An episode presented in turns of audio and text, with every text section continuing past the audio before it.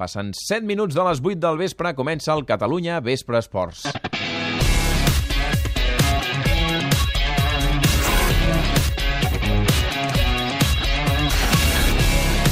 Luis Enrique, l'entrenador del Barça, es troba en un moment clau de la temporada. Ho sap ell i ho sabem tothom. Primer, perquè després de dues derrotes seguides a la Lliga, una tercera ensopegada seria molt perillosa. Segon, perquè perdre a Amsterdam demà complicaria no només la primera plaça del grup de Lliga de Campions, sinó fins i tot la classificació per als vuitens de final.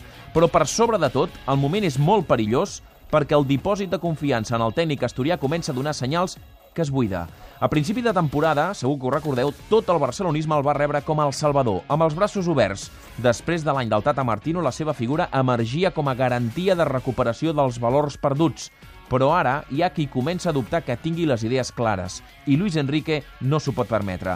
El club, el Barça, sembla que també ho entén així, i després de la derrota contra el Celta, els pesos pesants de la directiva han sortit a tot arreu remarcant el mateix missatge. Luis Enrique és fidel a l'estil del Barça i no vol canviar-lo. Ho va dir ahir el president Bartomeu a TV3, ho ha dit aquest matí Andoni Subissarreta a l'aeroport, sortint cap a Amsterdam, i aquesta tarda el mateix Luis Enrique ho ha repetit un munt de vegades en la roda de premsa.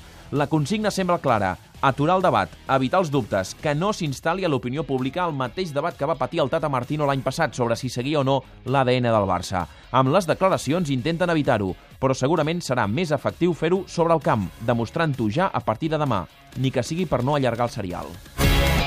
Catalunya Vespre Esports. Amb Òscar Fernández.